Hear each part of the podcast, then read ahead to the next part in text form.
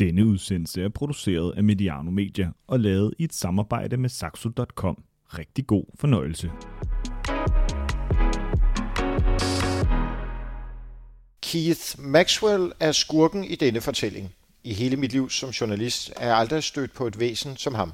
Maxwell er en forvandlingskugle, og har man først fået smag for ham, opdager man, at bolsjet ikke kun skifter farve ind i munden. Denne bonbon ender med at overtage kontrollen med hele dit mundtøj, så du ikke længere selv er herre over dine tænder, tunge og gummer. Som sådan er Keith Maxwell en infektionssygdom. Hver gang jeg opdager noget nyt om Maxwell, har jeg det som en af de her stakler, der samler på memorabilia fra det tredje rige eller fra berømte seriemordere. En pervers glæde, man skammer sig over, og som ingen andre vil kunne begribe.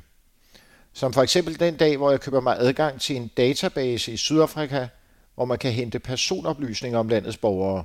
Her finder jeg Maxwells dødsattest, som er et uafviseligt bevis på, at han har fandtes. Der står, at han blev født den 27. maj 1944 og afgik ved døden den 15. marts 2006. Ifølge attesten døde han af naturlige årsager, hvad end så det udtryk dækker over. Mads Brygger, velkommen til podcasten Andre Sider. Tak for det. Og tak for oplæsningen her. Det vi hørte var fra afsnit 11 fra din helt nye bog, Dr. Maxwell formoder jeg. Vi taler om en person her, som er kæderyger, dæmonisk, voldsparat, altid klædt i hvidt i øvrigt også. Han er Keith Maxwell. Hvis jeg nu bare lige beder dig om til en start at sige, hvem er Dr. Maxwell egentlig? Han er den sidst kendte leder af en øh, savnomspunden øh, og meget mystisk sydafrikansk organisation, der hed det Sydafrikanske Institut for Maritime Research, forkortet SIMAR. Han kaldte sig læge øh, eller doktor og førte sig frem som mediciner. Han drev en række klinikker i de sorte townships øh, rundt omkring øh, Johannesborg. Men øh, han var ikke læge. Øh, og, og sådan kan man simpelthen øh, blive ved. Han øh, foregav at være læge og eksperimenterede på sine sorte patienter, øh, men havde ikke nogen medicinsk baggrund. Øh, det dæmoniske ved ham, det er jo nemlig som alle rigtige dæmoner, at han øh, har flere ansigter. Lad os bare sige, det kommer vi til at dykke godt ned i det her. Vi skal tror jeg på mange måder ned i en form for kaninhul. Det har jeg i hvert fald glædet mig til, at vi skulle. Øhm, lige helt også til en start, før vi dykker ned i kaninhullet, så kan man sige, du spørger faktisk undervejs i bogen, om han er en klovn i et Lord Nelson kostume, som han øvrigt øh, øh, åbenbart holdt af at gå i, eller om han er en form for nazistisk Hannibal Lecter. Du behøver ikke at svare på det, men jeg vil bare spørge øh, sådan en teaser til lytterne her. Kommer vi tættere på et svar på det spørgsmål? Det er for mig uafgørligt, og det er også derfor, jeg er så interesseret i Maxwell. Øh, der har været perioder, hvor jeg mest hældede til, at han var en øh, fordrukken klovn, en, en killer konspirationsteoretiker, og at han var det eneste medlem af denne mystiske organisation, Seymour, og at jeg lige så godt kunne, kunne droppe det og komme videre med mit liv. Øh, men så har jeg bare en meget afgørende oplevelse, som er, at jeg får lov til at møde den øh, tidligere chef for Sydafrikas militære efterretningstjeneste, Tini Grønewald, som ikke er her hvem som helst. Og han fortæller mig, at han kort før regimet øh, kollapser øh, i, øh, i begyndelsen af 90'erne, mødes to gange med Maxwell. Maxwell tilbyder ham øh, penge og våben til en øh, øh, hvid folkefront, der skal gå op imod ANC. Altså han vil simpelthen finansiere en etnisk borgerkrig. Og gennem deres samtaler får Chili Grønevald det klare indtryk, at Maxwell er finansieret af og styret af den britiske efterretningstjeneste. Han siger, at Maxwell kender folk i London, som man kun kender, hvis man har forbindelse til MI6. Og det gør simpelthen, at jeg må gentænke alt, hvad jeg øh, mener og, og ved om Maxwell. Det kan være, at det går tilbage til det. Jeg skal først lige introducere dig lige for lytterne. Du behøver måske ikke nogen større præsentation, men alligevel, Mads Brygger er journalist, tidligere programchef på radiokanalen Radio 24 og nu direktør og ansvarshavende chefredaktør for Frihedsbrevet, hvor vi sidder i dag. Flotte lokaler, fine lokaler her. Du er forfatter til flere bøger, du er instruktør på berømmet dokumentarfilm som Det Røde Kapel, Ambassadøren, Cold Cales Hammersjølt og Mulvarpen. Bare for at nævne nogen, jeg har lyst til at sige kort sagt, en produktiv mand. Men hvis vi lige før vi dykker ned i kaninhullet her, Mads, den her praksis mellem tv, radio, film, bøger, journalistik, øh, du har jo også et, øh, et, et nyhedsbrev nu, det er så det skrevne ord. Hvordan ser du egentlig din egen praksis med alle de her forskellige medier? Jeg ser det som en virksomhed, der nogle gange gør, at jeg er spidsbelastet. men, øh, men det at øh, arbejde inden for forskellige medier øh, og stifte erfaringer med øh, hvad hedder det, for eksempel øh, radio i forhold til øh, tv og, og, og hvad hedder det, tekstmedier, har for mig været øh, meget taknemmeligt, og også øh, det, hvad skal man sige, jeg, jeg har gjort mig nogle erfaringer, som jeg har kunnet tage med over i andre sammenhænge. Øhm, og øhm, jeg, altså, jeg tror noget af det også måske hænger sammen med, at jeg er, øhm, jeg er et journalistbarn. Både min øh, mor og min far øh, var journalister, og så derfor har jeg en tendens til at skulle overpræstere. Fordi som alle journalistbørn er jeg grundlæggende bange for, at folk skal tænke, at, øh, at jeg har fået de øh, hvad hedder det, privilegier og de jobs, som jeg har haft i tidens løb, på grund af mine forældres netværk. Og samtidig også fordi, at så, altså, mine forældre er også meget kvalificerede kritikere. Så jeg skal gøre mig umage, hvis jeg skal vide, at jeg har været en dygtig dreng. Hvis det nu var Hassan Prejsler, så var jeg nok gået videre ned ad den vej. Men jeg kan bare sige, at øh, jeg bemærkede, da jeg kom ind her, der stod jo også en, en gammeldags en, en skrivemaskine simpelthen, øh, som jo også optræder i din, i din film Cold Case Hammarskjöld. Hvad er det med dig og skrivemaskinerne? Jamen, jeg er øh, nærmest skrivemaskine fetishist. Den skrivemaskine, der står inde i øh, forværelset, til hvor vi sidder, er en... Øh, Adler Chiba skrivemaskine, som øh, er præcis den model og farve, som Stanley Kubrick skrev Ondskabens Hotel på. På samme måde i min dokumentarfilm Cold Case Hammarskjöld, som danner forlæg for bogen, Dr. Maxwell formoder jeg, der øh, sidder jeg og arbejder sammen med en sekretær på en øh, Erika skrivemaskine, en østtysk skrivemaskine fra 1961 det år, hvor Dag Hammarskjöld døde. Jeg, jeg kan simpelthen godt lide skrivemaskiner. Jeg kan godt lide lyden af dem. Jeg kan godt lide det, det manuelle i dem. Øh, og så fordi jeg er vokset op til lyden af min mor og far, der sad og skrev på skrivemaskiner. Først og fremmest øh, IBM's øh, Røde Marie, så er det noget, jeg har svært ved at give slip på. Ja, der er, også, ja, der er, jo, der er, jo, der er jo selve lyden af både af tasterne, men selvfølgelig også af, ja. når, når man lige laver sit lille skift og sådan.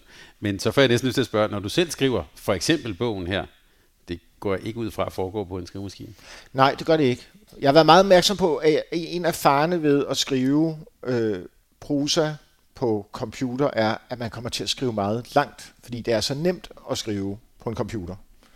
Øh, og der har jeg forsøgt virkelig at, at holde igen og hele tiden kondensere øh, og forfine og øh, reducere. Og det har jeg gjort ved altså først at skrive øh, mit øh, udkast på en øh, bærbar PC, og så bagefter læse det, jeg har skrevet igennem i øh, en app på en mobiltelefon. Og, og vekselvirkningen mellem de to, altså hvad jeg kan holde i hånden og overskue, når jeg sidder og kigger ind i mobiltelefonen, har gjort, at jeg langsomt har kunne altså, trække fra og øh, minimere og, øh, og reducere teksten. For mit mål var at lave, jeg vil gerne lave en, en kort bog, en, øh, og sådan også, hvad skal man sige, en, en handy bog. Og det kan man sige, det er den jo blevet også, og der er jo alle de her afsnit, jeg har faktisk ikke talt, men hvad er vi på, 150 afsnit eller lidt flere, den, den er jo handy og egentlig også lidt læst, men det er jo et kæmpe emne. Øh, og, og med, med mange huller ned. Men det kunne være, at vi lige, før vi lige dykker ned i det, så, så nævnte du jo, at det, øh, bogen her ligger jo i forlængelse, eller øh, som et appendix til, til den prisbelønnede dokumentarfilm Cold Case Hammarskjöld fra 2019. Og der starter du jo, du sætter dig jo egentlig for, at du vil afdække den svenske øh, FN-generalsekretær, der Hammarskjölds død ved et flystyrt i 1961.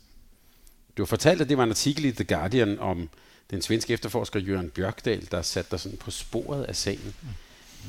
Hvad var, var, og den hedder også Cold Case, altså bare det der med den her cold case, hvad var det, der fascinerede dig, eller satte dig i gang der? Jamen, for mig starter med, at jeg læser om den her øh, svenske øh, privatopdager, kan man næsten mm. kalde ham, øh, Jørgen Bjørkdal, der arbejder på den svenske ambassade i Burkina Faso, men hvis far arbejdede for øh, FN i sin tid.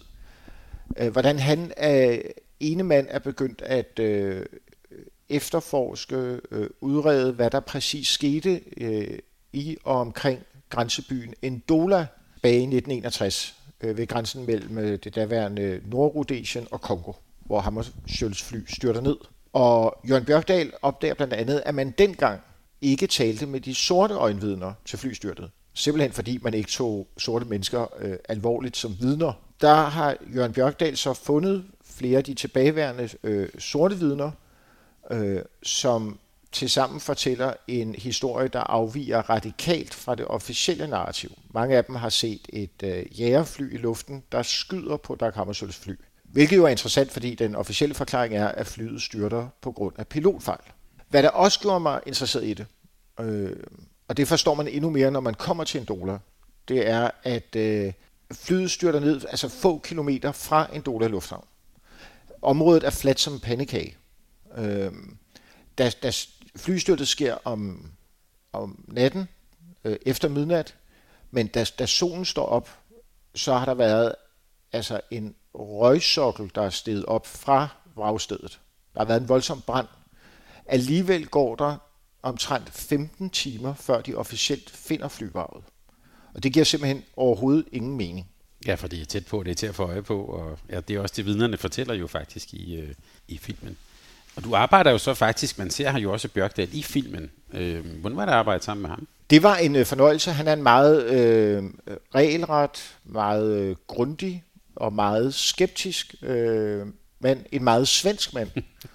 øh, hvad hedder det? Øh, han virker også sådan i filmen, vil jeg sige. Jamen, han, han ryger ikke ud af en øh, skør tangent. og øh, ham havde jeg øh, stor fornøjelse af, og så øh, havde jeg også et fortrinligt samarbejde med øh, den svenske koproducent og journalist Andreas Roxen, som virkelig er en, øh, hvad skal man sige, knofedt journalist, øh, som øh, virkelig kan turnere ringbind og er meget øh, akkurat og præcis. Men det starter der.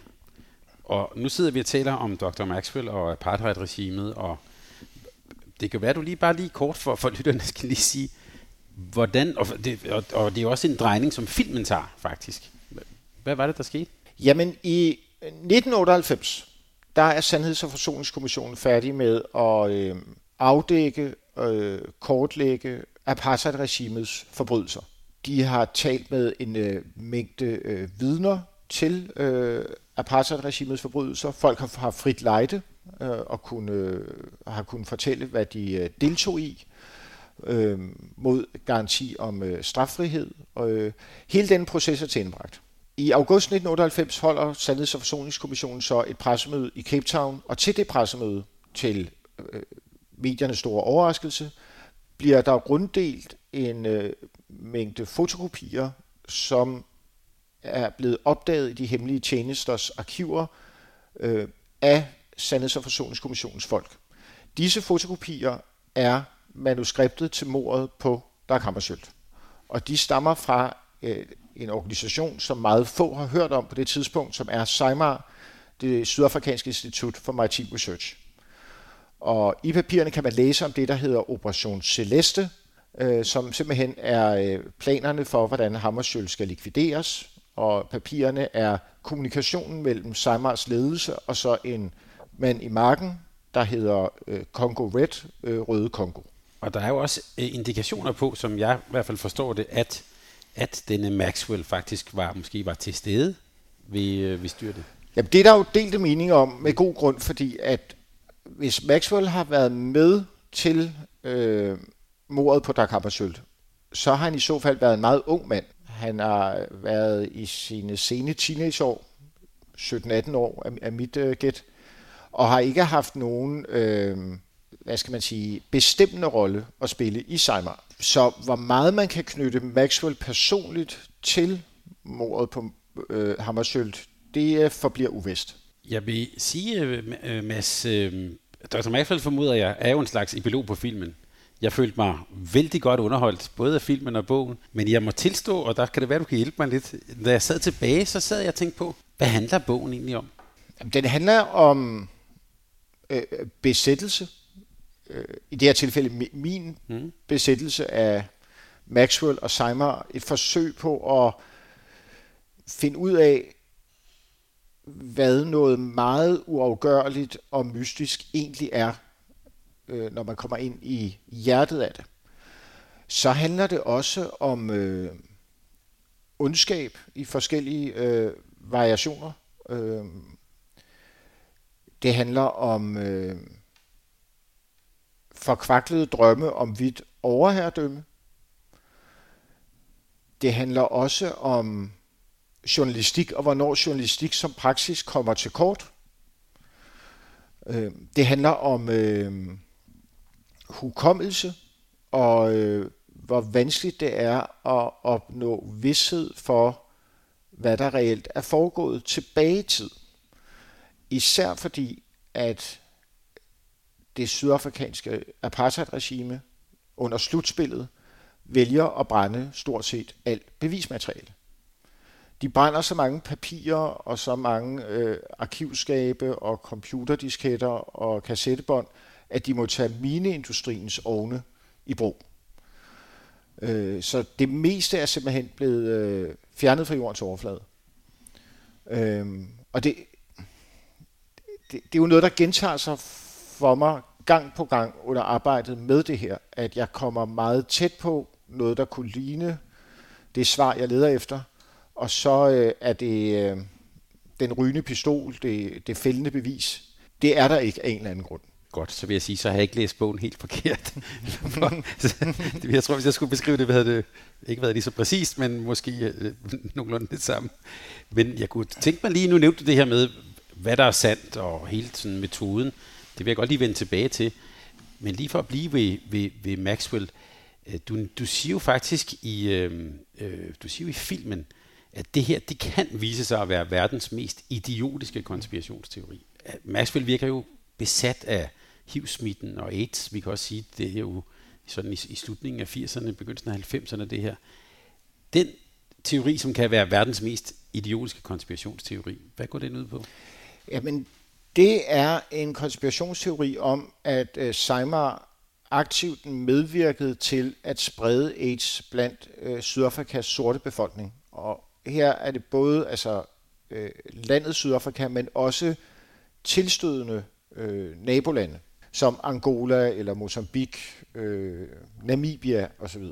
Påstanden er, at øh, Seymour øh, kom i besiddelse af øh, beskidte vacciner, der var forurenet med øh, HIV-virus, og at de så under dække af at være øh, lægepersonale udsendt fra Sydafrika, vaccinerede øh, sorte mennesker øh, i frontlinjestaterne.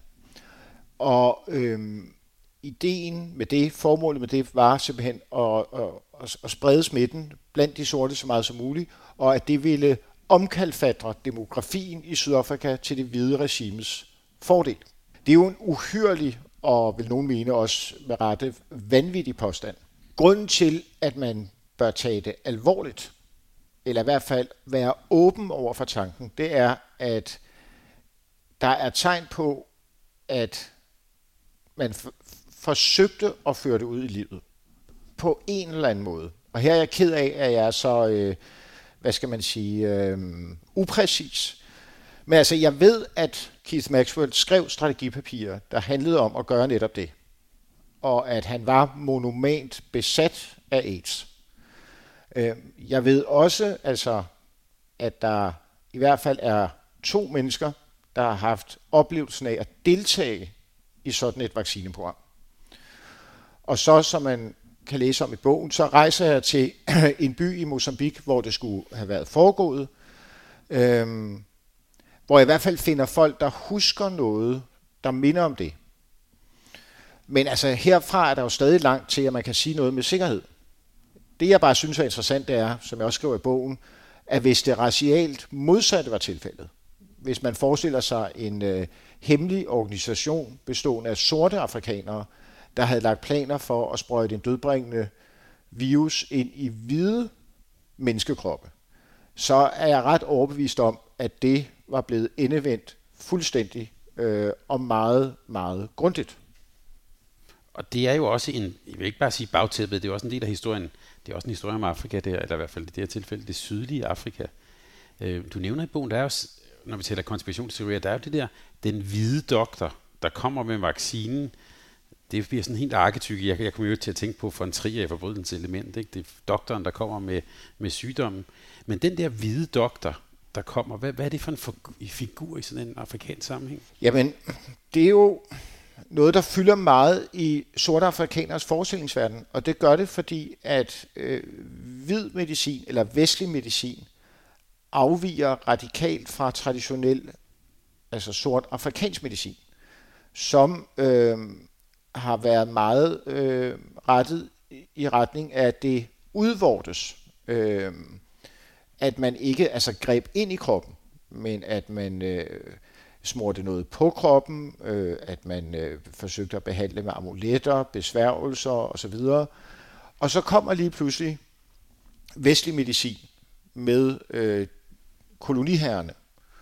Øh, hvide læger, der begynder øh, at praktisere indvortes medicin, altså hvor de stikker ting ind i kroppen, suger ting ud, øh, skær i kroppen osv. Og det har haft en voldsom effekt på øh, sorte afrikaners øh, forestillingsverden, forståelig nok. Og efterklangen af det er der stadig i Afrika.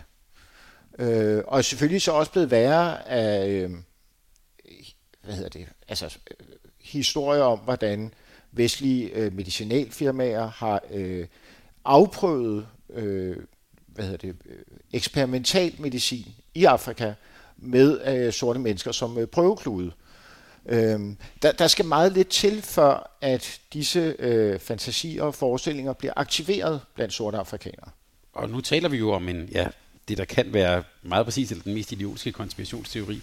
Så det er vel godt at spørge dig, hvad, hvad kendetegner egentlig en, en god konspirationsteori? Den skal jo først og fremmest være opsigtsvækkende. Mm.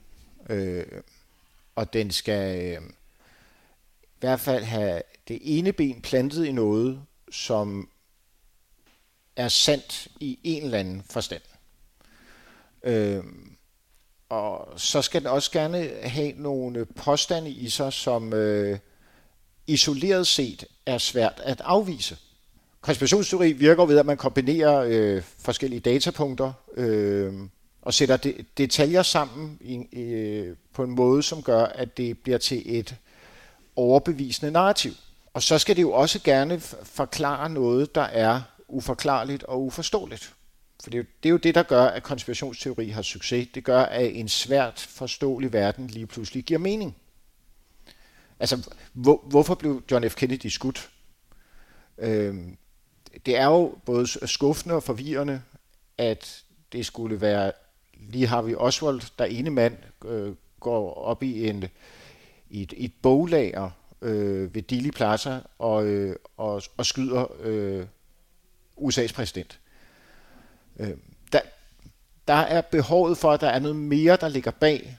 Øh, det er jo, hvad skal man sige, øh, nærmest menneskeligt.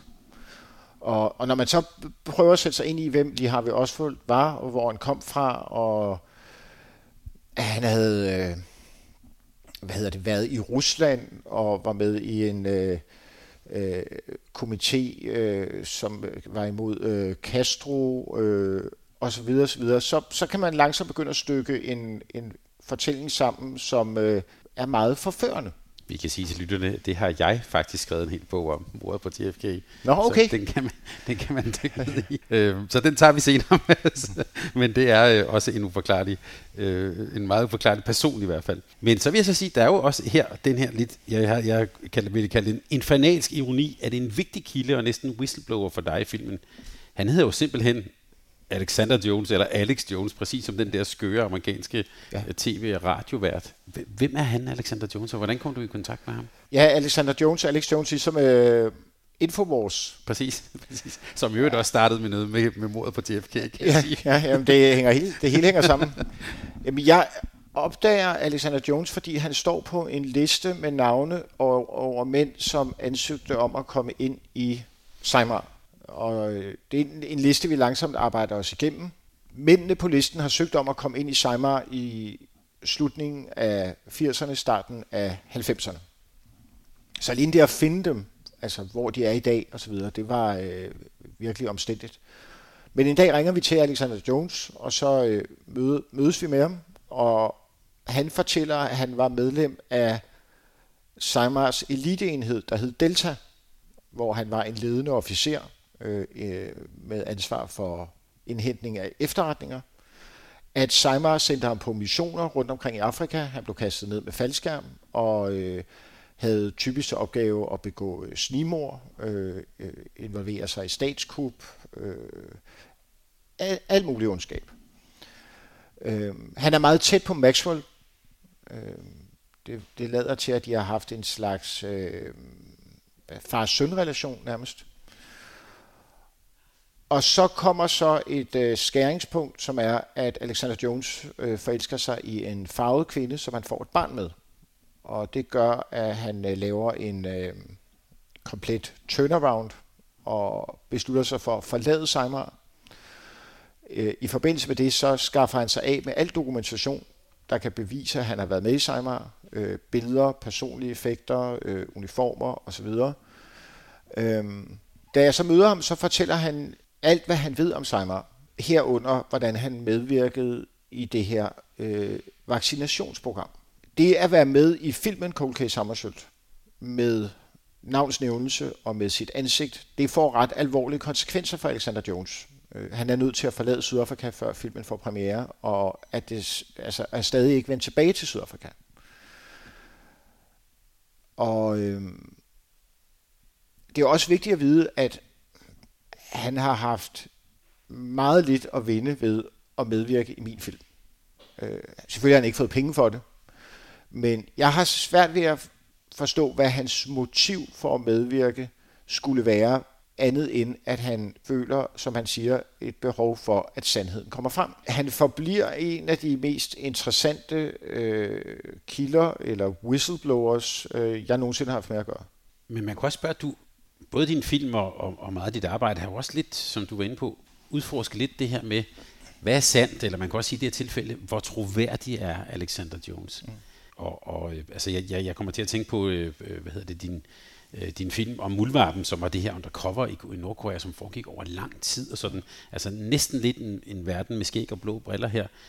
Der er, I den verden er Alexander Jones vel også trænet i at ja, han har brændt sine papirer og sådan noget. Hvordan vil du vurdere hans troværdighed? Jamen, i og med, at han ikke har anden dokumentation end det faktum, at han står på listen over mænd, der søgte ind i Sangvar. Og så at han ved ting om Maxwell, som man kun kan vide, hvis man har øh, mødt Maxwell personligt og haft med ham at gøre. Ting, som ikke fremgår af åbne kilder. Øh, så kommer det ene og alene an på, hvor troværdig han fremstår. Og det er jo en, det er jo et mange, man, øh, man må foretage. Øh, vigtigt for mig har været, at det, han stiller sig frem med en navnsnævnelse og med sit eget ansigt, med de risici, der knytter sig til det. Fordi dels kan der jo være folk fra Seimar, der øh, vil tage det ilde op, når han øh, åbner op for posen. Dels kan der også være sorte afrikanere, der øh, vil, øh, vil ham det ondt, når han fortæller om de forbrydelser, han har været med til at begå. Øhm, altså, selvfølgelig er der en mulighed for, at Alexander Jones er mytoman. Øhm, I så fald er han en ekstremt dygtig mytoman. Og som jeg også spørger i bogen, så, så, vil, altså, så tænker jeg, jamen, hvis jeg var så dygtig en mytoman, hvorfor så bruge al sit krudt på at dreje en knap på et øh, filmhold fra Skandinavien? Øhm, og, og samtidig bringe sig selv ud et sted, hvor man er nødt til at drage i landflygtighed. Noget, der også spiller en rolle for mig, det er, at han øh, senere hen mødes med øh, folk fra FN, som jo stadig er i gang med at øh, udrede, undersøge øh, Dag Hammarskjölds øh, død. De mødes med ham udelukkende angående hans viden om mordet på Hammarskjöld. Han fortæller, at da han bliver rekrutteret til Seimer, er han til et øh, møde i Carlton Center i Johannesborg, hvor der bliver vist, som han husker det, billeder fra flystyrtet. Eller man ser det havarerede fly ligge i, øh, i øh, bushen. FN vurderer, at, øh, at han er en øh, pålidelig kilde, hvad det angår. Men altså, det, det forbliver øh, et åbent spørgsmål, lige så meget andet i min bog. Den synes jeg, vi skal lade, lade stå til læseren, men, men vi kan i hvert fald sige at, øh, til fremtidige læsere og til dem, der lytter med her, at den type overvejelser, du har her, det, det øh, er der jo faktisk en del af i bogen. Altså, hvor du vurderer øh, kildens troværdighed, eller vurderer et udsagns troværdighed. Så der får man lov at, at, at, at følge med. Der var en ting i bogen, som, øh, som jeg i hvert fald synes var meget sjovt. Nu, nu skal det jo ikke handle om, hvad jeg har skrevet om JFK, men jeg kan da bare sige til oplysning, jeg har på et tidspunkt i min lejlighed haft et kæmpe kort over Dallas hængende inde i lejligheden. Det var også lidt mærkeligt. Men du nævner undervejs, at din kone bliver lidt vred, da du dropper en konfirmation til fordel for at forfølge et spor i England. Så det der med at den der besættelse, siger du, eller forsvinde ned i Alice og Maxwells sådan kaninhul. Hvordan, hvordan, hvordan ser du det, eller hvordan har du styret det? Du har også skulle have et arbejde jo, og lave andre ting. Det har været noget, som har foregået i sådan nærmest en parallel eksistens. En hobby, jeg har haft kun for mig selv. Noget af det vil mange også mene er meget nørdet. Øh, jeg er i hvert fald for længst forbi det punkt, hvor øh, min kone synes, det er interessant. og, og, og mange omkring mig. øhm, så der, der er heller ikke så mange, jeg har kunnet tale med det om. Og så er det jo også et emnefelt, som man kan gå til og fra. Jeg, jeg, man kan sagtens tage et par måneders pause fra Keith Maxwell og Simon, og så vende tilbage, og så opdage, enten der, der er ikke sket noget nyt, men lige pludselig dukker der en ny oplysning op, som øh, leder mig videre til øh, det, hvad skal man sige, det næste kammer i kaninhullet. Øh, og, og, og sådan kan man blive ved. Men så er kunsten jo også at øh, forstå at trække i håndbremsen. Og sådan læser jeg faktisk slutningen på bogen. Er, er, er man så færdig med det? Jeg har lige igen fået øh, mail fra Maxwells datter, som er uddannet journalist og bor i øh, Cape Town. Hun husker meget lidt om sin far. Det er det, jeg også sigter til, når jeg siger, at det er også en fortælling om, øh, om hukommelse og hukommelsesvækkelse. Øh, hun husker, at, at Keith Maxwell var læge, og hun var sammen med ham på et hospital som barn. Hun husker, at han var i altså, øh, hvidt lægetøj. Og det, jeg fortalte hende, kom som en total overraskelse for hende. Så han også bedraget sin egen familie. Øhm, men hun har skrevet, at nu er hun i gang med at lave, hvad skal man sige, hukommelsesarbejde. Og, og er i gang med at skrive ned alt, hvad hun kan genkalde sig om Maxwell, og vil så sende det til mig i et øh, dokument. Og det kan jeg selvfølgelig ikke sige nej til. Jeg tror også, du skriver, at du har sådan nogle uh, Google alerts, ikke? hvis der sker noget nyt på en søgning på Sejmar. Eller... Nå, men der er lige kommet uh, en ny FN-rapport, mm-hmm. øh, som, uh, som bærer ved til bålet. Og øh, det lader til, at øh, den mand, som Sydafrika har udpeget til at hjælpe FN med at øh, opklare øh, den sydafrikanske side af sagen, herunder Sejmar, har Øh, øh, opsporet, eller i hvert fald er på vej til at opspore en af de øh, nøglepersoner, jeg leder efter i bogen, øh, Iron Kerr. Så selvom der, der står, at det er ved at være slut her, så, så, så får vi se. Øhm, noget, jeg synes er spændende, både i bogen, men øh, også i filmen, det er, at du, du diskuterer det her forhold mellem, jeg vil næsten sige, varhed og en metode, altså sandheden og metoden, eller også den journalistiske øh, metode. I bogen er, eller i filmen er der jo faktisk også en diskussion eksplicit over for seeren, om hvor du diskuterer, hvad er fik, fiktion og hvad er dokumentarisme, altså næsten sådan en meta-genre-diskussion undervejs. Hvad er det, du gerne vil undersøge i man kan sige, i det felt mellem de forskellige genrer? Jamen, det, det spændende ved Keith Maxwell er jo, at han, han færdedes i begge verdener. Øh, altså i fiktionens verden og i den virkelige verden. Han, han gjorde ting i virkeligheden, som er uafviselige og, og dokumenterbare. Jeg opdager også, at ting, jeg troede var fiktion, øh, og, og ren fantasi rent faktisk var noget, han gjorde i virkeligheden. Som for eksempel at lede efter skatte på havets bund. Det kom som en total overraskelse for mig. Det er også en vanvittig historie. hvad hedder det? Men, men så igen, som alt hvad der knytter sig til Maxwell, så var det egentlig ikke det, der var formålet med det. Tyder meget på. I virkeligheden var formålet måske at, at, at forberede et, et statskup i et andet land. Mm. Øhm, samtidig så skrev Maxwell øh, fiktion, en, en nøgleroman om sit eget liv, som øh, er meget bizarre læsning. Øh, jeg kalder det øh, Barbara Cartland møder William Burroughs. øhm, hvad hedder det? Så, så det er, et, det er sådan et, en, en central tematik i øh, den her øh, beretning, altså spændingsfeltet mellem øh, fantasi og virkelighed. Men der, og, og også hvad, øh, metode og praksis. Og øh, der jeg har jeg forsøgt at komponere bogen sådan, at den altså første, groft sagt, altså første halvdel er øh, øh metode, en, en metoderapport, og den sidste halvdel er så øh, praksis, hvor jeg drager ud i verden og forsøger at opklare, øh, komme til bunds i, finde ud af. Øh, og så kan man jo så øh, selv læse sig til, hvordan øh, det går. Men den der, øh, der er jo også det der med at tage ud i verden som øh, en anden øh, Tintin, det er jo også en journalist, og øh, altså at opklare ting, som ellers har været er en cold case. Det at nu er du jo journalistbarn, sagde du. Det er vel også en form for journalistisk ideal, at man kan det? Ja, det er det. Det er et meget besnærende ideal, som øh, mange journalister har deres øh, øjne øh, stift rettet imod. Men det er jo også ideen om, at man kan altså dels opklare, hvad der foregik et sted i det mørkeste Afrika tilbage i 1961. Øh, det er jo en ret vanvittig ambition. For det, det er meget lang tid siden. Øh, og tilsvarende er det også, finder jeg ud af, selvom man skulle tænke, så må det være lidt nemmere at finde ud af, hvad der foregik omkring apartheidregimets sammenbrud. Det er også meget vanskeligt.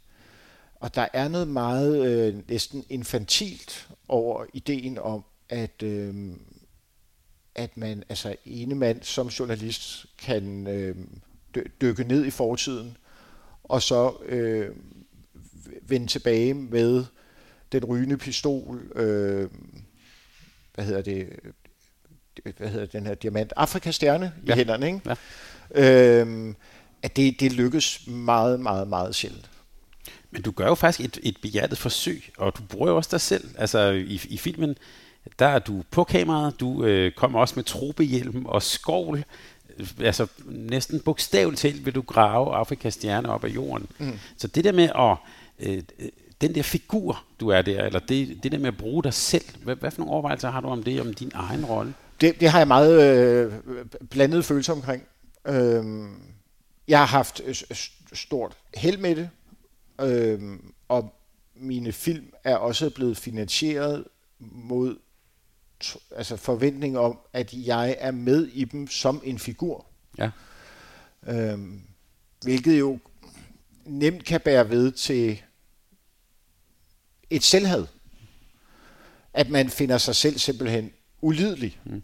Øhm, og, og det kom det kom især på spil i forbindelse med Hammarskjöld-filmen, fordi jeg arbejder med noget meget alvorligt.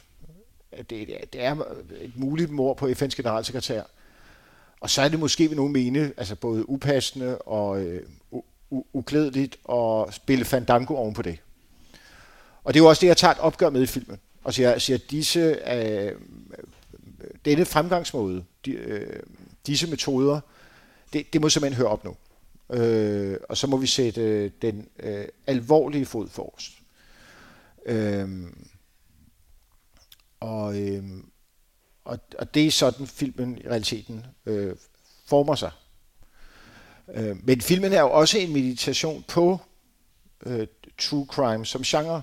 Altså i, i, ideen om, at, øh, at man øh, som, som civilist, som, som journalist, øh, kan øh, altså orientere sig i T-bladene, øh, og finde frem til de beviser, som gør, at man på slutstregen får et klart og entydigt svar. Øh, og sådan er filmen også tilrettelagt. Det er en, øh, et spil solitær, der går op. Øhm, men altså hele denne øh, tankegang og alle de forestillinger, så, der knytter sig til true crime, øhm, og som jo er blevet ekstremt populært. Der, der er jo også noget i det, som bygger på nogle øh, altså ret problematiske idéer om, øh, om, om virkeligheden og, og journalisters formåen. Øhm. Jeg kan jo personligt bedst lide mysterier, som nægter at lade sig afmystificere. Jeg synes tit, det er ret skuffende, når man altså, finder frem til svaret. Derfor en af mine yndlingsfilm er øh, The, uh, The Zodiac, øh, hvor det jo forbliver uafklaret, hvem er The Zodiac Killer. Det får man aldrig svaret på. Øh, men, men altså, den film har jo en stedsegrønhed, som er enormt interessant. Jeg, jeg, jeg kan se den igen og igen og igen. Øh, og den, den er jo ikke skuffende, fordi altså, der er en styrke i, at man ikke får svaret. Øh, i, I virkeligheden synes jeg, altså, mysterier, hvor man, altså ene mand som, som journalist når i mål med sit projekt. Der er et eller andet øh, forlort ved det. Men det er vel også det der narrativ, vi vil gerne have, at, at vi får en anden form for happy end. At det, ja. Så kommer vi derfra, det er sådan hjemme ude hjemme, nu kommer, og så kommer du hjem som den store held ned fra det mørke Afrika. Ja, med, med en eller anden løsning, som du ovenikøbet bogstaveligt talt har gravet frem. Jeg kunne simpelthen ikke lade være at tænke på, altså det, jeg ser i meget af det, du har lavet, og, og også hvad du har skrevet, der er det her, som vi taler om her, det der, man kunne næsten kalde det sådan en form for en metalag. Øh, nu nævnte du, at du var øh, børn af journalister. Jeg tænker også på, at jeg kan se, at vi er nogenlunde jævnaldrende. Om det også er, jeg havde nær sagt, Poul Næsgaards børn, der er ude her. Altså det der med at sætte sig selv på spil, men også i at sætte genrerne på spil, og på den måde faktisk lægge et ekstra lag på det, vi ser. Det kan jeg sagtens følge. Jeg var i hvert fald meget begejstret for Poul Næsgaard og øh, programserien i Sandhedens Tjeneste øh, i mine øh, yngre dage. Øh, jeg er også udlært på ungdomsredaktion i Danmarks Radio, som den var i, i 90'erne, øh, hvor der foregik altså vilde og vanvittige eksperimenter med øh, form. Øh, som dokumentarist har jeg enorm beundring for det, der kaldes fluen på væggen-metoden, hvor øh, instruktøren, øh, tilretlæggeren, holder sig i baggrunden, ikke er synlig. Det, det er jeg bare ikke særlig god til.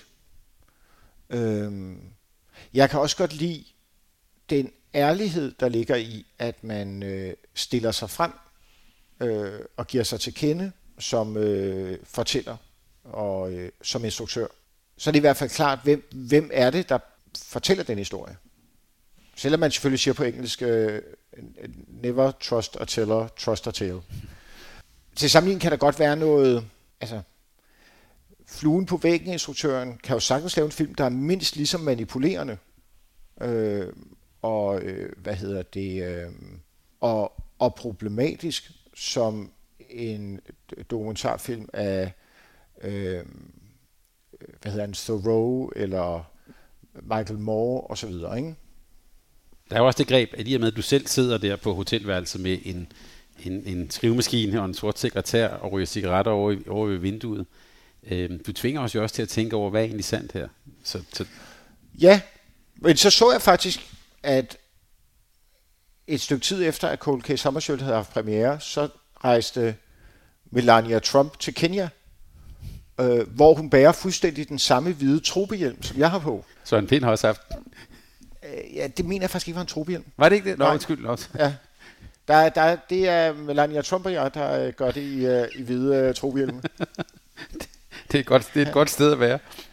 Her, her til sidst, så kunne jeg godt tænke mig at tale lidt om, ja, om Afrika, Kongofloden, og i virkeligheden jo også lidt om titlen, ikke? Øh, Dr. Livingstone. Øh, faste lyttere af den her podcast, de vil huske, at vi i sommer bragte en samtale med Gud Brix om hans bog, Fibertræet. Og han talte meget om de der sådan øh, klichéer om Afrika, altså den hvide mand, der går i opløsning i Afrika, om mørkets hjerte for enden af Kongofloden. Der synes du næsten at gå hele planken ud. Ikke? Der er Stanley og Livingstone, der er, du sender jo faktisk Bjørkdal ud på Kongofloden til sidst. Mm-hmm. Øhm, og vi har talt om øh, tropehjelme og sådan noget. Øhm, hvad handler alt det her om Afrika om for dig? Det er meget noget, der foregår på et fantasiplan det Afrika, jeg er øh, tiltrukket af. Øhm, jeg er tiltrukket af et ekstremt Afrika. Og jeg er tiltrukket af et Afrika, som er nært knyttet til, øh, hvad jeg så på tv-skærmen som barn, når der var nyt for Afrika. De er meget øh, ikonoklastiske afrikanske øh, diktatorer og stærke mænd. Øh, Idi Amin, øh, Mobutu, øh, Gaddafi, som jo i en eller anden forstand var en, en nordafrikansk diktator. Øh, men også den æstetik, der knytter sig til det Afrika, som det var dengang, øh, finder jeg bare meget øh, indbydende og, og, og tiltrækkende. Og så har jeg så selv gentagende gange opdaget, at, øh, at hvis man øh, leder efter eventyr og, øh, og, og opdagelser, som endnu ikke er blevet gjort, så, så skal man altså til Afrika. Fordi der er, der er så mange altså, øh, menneskeskæbner og øh, øh, hemmeligheder, som endnu ikke er blevet øh, dokumenteret, øh, opdaget, øh, kortlagt. Det er jo et, et massivt underdækket kontinent. Øh, og øh, jeg, jeg er meget, jeg er meget øh, optaget af og, og fascineret af Afrikas hemmelige historie. Alt det, som ikke er øh, kommet med i nyhedsbyråernes bulletiner øh, fra øh, Leopoldville og Johannesborg osv. Øh, alt det, som måske ikke engang er blevet, kommet, øh, er blevet inddraget i øh, diplomaternes øh, telegrammer tilbage til London og Paris. Det som, øh, hvad hedder det, fordi at, at, at altså, altså, afrikansk historieskrivning har jo i vid udstrækning været monopoliseret af de hvide, som ikke er blevet, altså, hvad hedder det, øh, fortalt, øh, øh, dokumenteret af, af sorte øh, historikere hele det kompleks er jo en, en, en hemmelig historie, som er enorm. Og øh, jeg synes bare, jeg synes, det er vigtigt, at man, hvis man får mulighed for det, øhm, hvad hedder det, øh, arbejder med det. Og det er også en af grundene til, at jeg har skrevet den her bog, fordi jeg, jeg tænkte, og det ved jeg godt lyder meget sådan selvovervurderende, men jeg tænkte bare, at, at når jeg ikke er her mere, så den specialviden, jeg har om Sejmar, som er en meget særlig viden, den, den forsvinder op med mig. Øh, og der tænker jeg bare, om ikke andet, så hvis der er nogen, der vil arbejde videre med at komme til bunds i, hvad Seimer var, så, så, så, altså, så, så har jeg det mindste givet dem en, øh, en hestesko. Ikke? Det lader til at være et meget godt sted at slutte, Mads. Fordi, øh, og bogen slutter også med ordene, nu har jeg fundet ham. Det kan, øh, nu har jeg fundet ham, der kan fortsætte, hvor jeg slap, som er her. Men jeg hører dig faktisk også sige, at det er ikke helt slut endnu, eller hvad? Nej, det er, det er det nok ikke. Det er det nok ikke. ja. Mads Brygger, tak fordi vi måtte komme og besøge dig her, og tak for en god samtale. Øh, Dr. Maxwell formoder kan naturligvis købes på saxo.com, og vores hidtidige samtaler med Kasper Kolding, Peter Øvig, Svend Brinkmann, Rune Lykkeberg, øh, Skyrum Nielsen, Thor Lindhardt, Morten Brun og mange flere, det kan høres der, hvor du henter din øh, podcast. Vi har meget mere på vej. På genhør på andre sider, og god læselyst. Udsendelsen, du lige har hørt, var produceret af Mediano Media og lavet i et samarbejde med Saxo.com. Tak fordi du lyttede med.